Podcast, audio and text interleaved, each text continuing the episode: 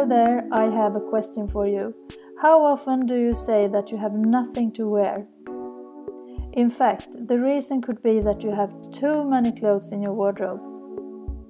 In this episode, I will talk about how to get an awesome wardrobe.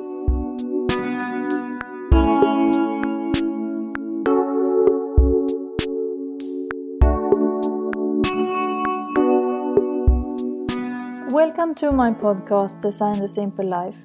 My mission is to coach you design your dream home and get a simplistic life.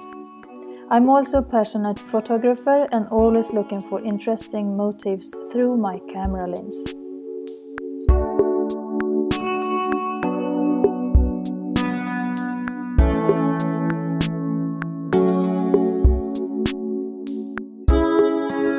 So, how do you get an awesome wardrobe? I will tell you how I have gone through the decluttering phase and just have clothes that I really love in my wardrobe. In my youth, I worked in a big Swedish textile company, and my days was full of checking the quality of the samples coming into the office. That was a very interesting job, and I learned much about good and bad quality. At that time, I could buy many cheap samples, but of course I checked the quality before buying. The difference from then and now is that I think twice or three times before buying something now. I ask myself some questions before, like Does it fit my other clothes? Do I really need it? Is it in my color palette in my wardrobe? How good is the quality and am I gonna use it or not? If you have listened to me before, you know that I have decluttered my home many times and it's kind of a lifestyle for me. I don't want to live in a cluttered home, I want a fresh and clean home with positive energy.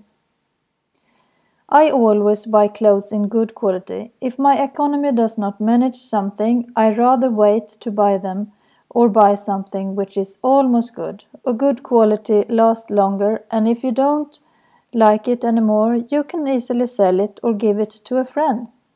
It's always fun to give something and also fun to receive. What I also looking for is natural materials. That's so much more soft to wear comparing to synthetic textiles. My clothes are soft and comfortable, otherwise I don't use them, and that's not a good reason to have such clothes. If there are environmentally friendly clothes, I prefer them, and I have always thought about the nature. I also shop when it's sale or in a second-hand shop with good quality clothes. I prefer that. So, now I would like to challenge you to declutter your wardrobe. I really mean to do it all in and not just take away a few items. I would say that you have to take all your clothes out of your wardrobe and sort them in categories. Then you will be able to see how much you have and how much you really need to save. Do you need 15 pair of trousers or 35 sweaters? You probably not, but that's your decision how much you need and how much you want to declutter. And it also depends on which lifestyle you have, of course. Look for the clothes in your wardrobe that you really love with your heart and let the other go. Sell or give, and don't forget the second hand boxes you can find everywhere. There are many people out there who need warm clothes. In the next episode, I will talk about quality and how to store and wash your clothes in the best way. If you're interested in how to start a clutter and then add good feng shui and styling into your home, I have set up a one day workshop in feng shui, decluttering, and styling.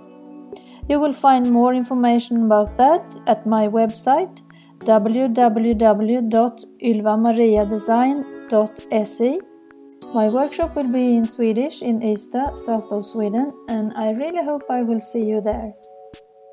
Don't forget to subscribe to my channel. Have a wonderful day and see you soon!